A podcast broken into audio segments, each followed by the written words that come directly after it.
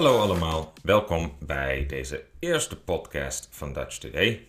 Waarom deze podcast? Ik krijg van veel studenten de vraag: zijn er Nederlandse podcasts waar ik naar kan luisteren om mijn Nederlands te oefenen?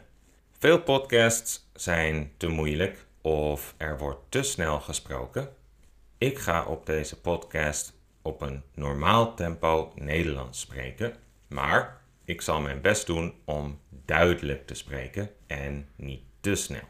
En wie ben ik? Ik ben Martijn. Ik ben nu al 10 jaar docent Nederlands, Engels en kunst. Ik heb op verschillende plaatsen lesgegeven en niet alleen in Nederland, ook in Japan. En ik heb wel voor verschillende bedrijven en scholen lesgegeven, maar nu doe ik dat voor mezelf. Elke keer zal ik een ander onderwerp kiezen en als je vragen hebt of je hebt voorstellen, je wil dat ik praat over bepaalde onderwerpen, kun je me altijd op Instagram een bericht sturen. Misschien kan ik dat de volgende keer dan bespreken. Het onderwerp voor deze eerste podcast zal zijn de Nederlandse taal. Waarom leer je Nederlands? Leer je Nederlands voor je werk, voor hobby, voor inburgering? Wil je het NT2-examen doen? Dat zijn allemaal goede redenen om Nederlands te leren. En ik zal straks afsluiten met wat studietips, maar eerst wil ik graag praten over de Nederlandse taal zelf. Wat is de Nederlandse taal? Wat is Nederlands voor taal? Nederlands is een West-Germaanse taal. Het is de officiële taal in Nederland en ook in Suriname. En het is een van de drie officiële talen van België, samen met Frans en Duits. Sommige mensen van de oudere generatie in Indonesië spreken ook Nederlands, omdat Indonesië vroeger een kolonie van Nederland is geweest. Afrikaans is een dochtertaal van het Nederlands. Dat betekent dat ze niet helemaal hetzelfde zijn. Maar mensen die Afrikaans spreken en mensen die Nederlands spreken kunnen elkaar wel verstaan. Hoe oud is het Nederlands? Dat weten we eigenlijk niet exact. Maar het Oud-Nederlands, een oude vorm van het Nederlands, is voor het eerst rond het jaar 1170 eh, gedocumenteerd. Er waren toen nog veel verschillende dialecten en vormen van het Nederlands, maar uiteindelijk, omdat Holland en Brabant en Vlaanderen, daar, daar was de meeste business uh, langs de kust, is de taal die langs de kust werd gesproken tot de standaard geworden. En waar vinden Nederlanders zelf dat het mooiste Nederlands wordt gesproken? Dat is in Haarlem. En daar spreken ze, net als op het nieuws eigenlijk, wat wij ABN noemen. Dat is Algemeen Beschaafd Nederlands. Engels en Duits zijn familie van het Nederlands. Het zijn ook Germaanse talen. En je vindt dus veel woorden die in het Engels of in het Duits hetzelfde zijn. Een verschil met het Duits is dat in Nederlands wel meer Latijnse woorden worden gebruikt, zoals in het Engels ook. Van de Germaanse talen die in Europa wordt gesproken, staat Nederland op de derde plaats. Op de eerste plaats staat Duits met 95 miljoen sprekers, dan Engels met 70 miljoen sprekers en dan op de derde plaats Nederlands dus met 24 miljoen sprekers. En Nederlands is een rijke taal met een grote woordenschat, maar de woorden die wij het meest gebruiken zijn de werkwoorden zijn, hebben, gaan, kunnen, moeten, zeggen, doen, zullen, worden en weten, dus veel modale verba. De zelfstandige naamwoorden die wij het meeste gebruiken zijn beetje, mensen, jaar, tijd, dag, dingen, man, moment en kinderen. En de bijvoeglijke namen die wij het meest gebruiken zijn goed, heel, gewoon, eigenlijk, ander, natuurlijk, leuk, groot en lang. Deze woorden worden met de meeste frequentie gebruikt. Waarom zou jij eigenlijk Nederlands leren? Voor sommige mensen is het logisch, zij willen inburgeren in Nederland of zij moeten inburgeren dan moet je de inburgeringstoets doen of de NT2-toets en daarvoor moet je natuurlijk studeren. Ben je een expert en hoef je niet per se Nederlands te spreken, dan is het alsnog een goed idee om dit wel te doen. Veel van mijn studenten zijn mensen die al lang in Nederland wonen, soms meer dan 10 jaar, en spijt hebben van het niet leren van het Nederlands. Sommige mensen willen nu toch inburgeren en dan spreken ze nog geen goed Nederlands en moeten ze opeens gaan studeren.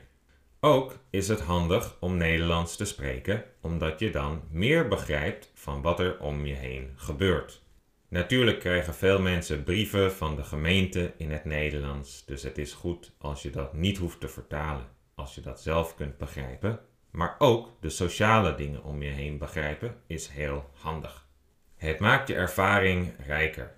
Hoe meer je begrijpt van de dingen die om je heen gebeuren, hoe meer je ook kan genieten, hoe meer je betrokken bent bij het leven om je heen. Dan denk je misschien, ja, hij heeft makkelijk praten. Het is veel werk om een taal te leren. Het is moeilijk. Het kost veel tijd. En dat klopt. Dat begrijp ik heel goed. Ik heb zelf namelijk zeven jaar in Japan gewoond. Waar niet zoveel mensen Engels spreken. En waar ik dus zelf Japans moest leren om te kunnen communiceren met mensen.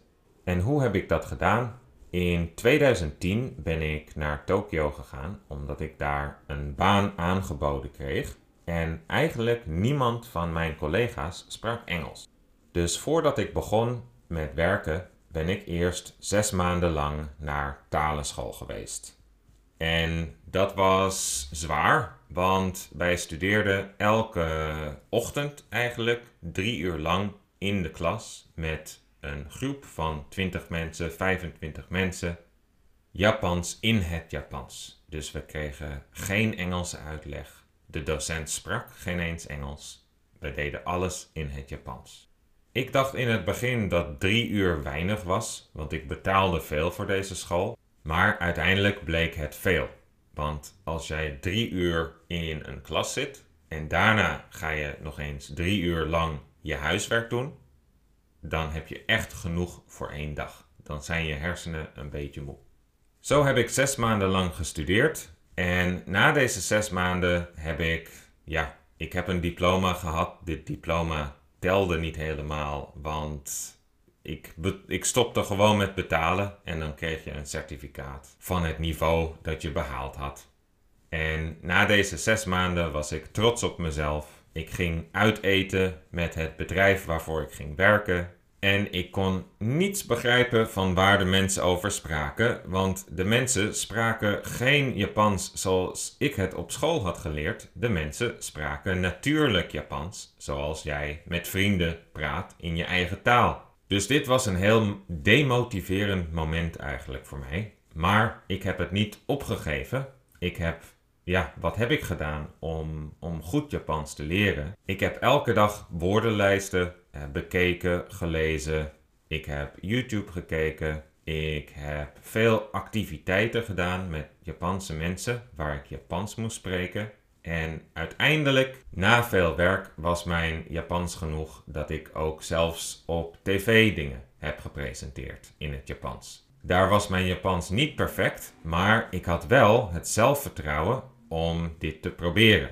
En dat kwam voor een groot deel omdat ik mezelf in situaties had gezet waar ik Japans moest spreken. In Nederland is dat lastig soms, omdat iedereen ook goed Engels spreekt. Of niet iedereen natuurlijk, bijna iedereen, zeker in de grote steden. En als je probeert Nederlands te spreken, gaan mensen al snel over op het Engels. En dat is vervelend, want jij wil je Nederlands oefenen en mensen denken: ik help, ik ga in het Engels spreken. Het is in Nederland dus misschien iets moeilijker om deze situaties te vinden waar je Nederlands moet spreken, maar waar je mee kunt beginnen is bijvoorbeeld je collega's of je vrienden informeren dat jij Nederlands aan het studeren bent en dat je graag in het Nederlands spreekt. Ook kun je doen wat bijvoorbeeld studenten van mij doen, is naar een sportschool gaan waar lessen worden gegeven in het Nederlands. Of misschien kun je een taalmaatje uh, vinden om mee te spreken. Want wat ook jouw moedertaal is, er zijn altijd mensen die dit willen leren. Of dit nu Engels, Japans, Pools, Arabisch is, dat doet er niet toe. Je kunt altijd iemand vinden die graag ook jouw taal wil leren. En zo kun je een uitwisseling doen. Eigenlijk komt het neer op een redelijk simpele rekensom. Hoe meer tijd je steekt in je Nederlands, hoe beter Nederlands je gaat spreken.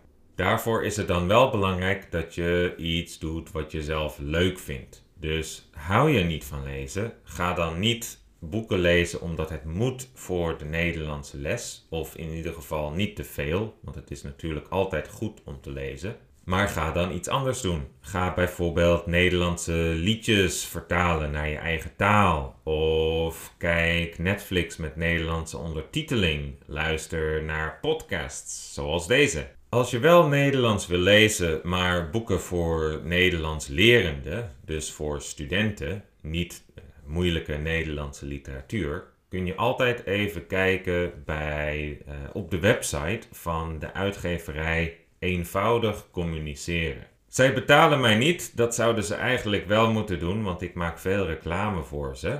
Maar zij maken boeken die voor Nederlandse studenten zijn, maar geen kinderboeken. Dus de onderwerpen, de thema's die besproken worden, zijn voor volwassenen.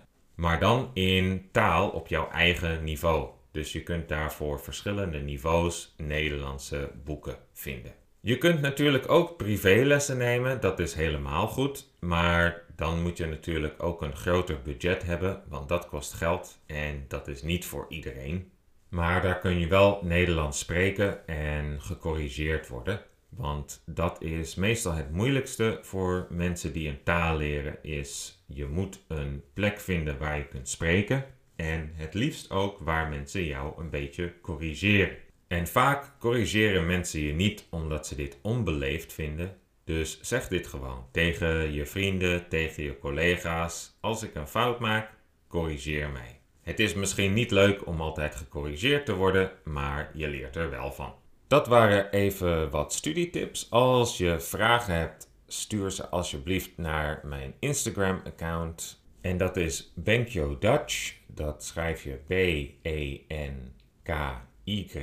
O Dutch D-U-T-C-H. Dit was het voor vandaag, voor deze eerste podcast. Dit was een beetje een experiment, dus ik hoop dat jullie het leuk vonden. Laat het mij weten. En voorlopig zeg ik een fijne week en tot de volgende keer. Doei!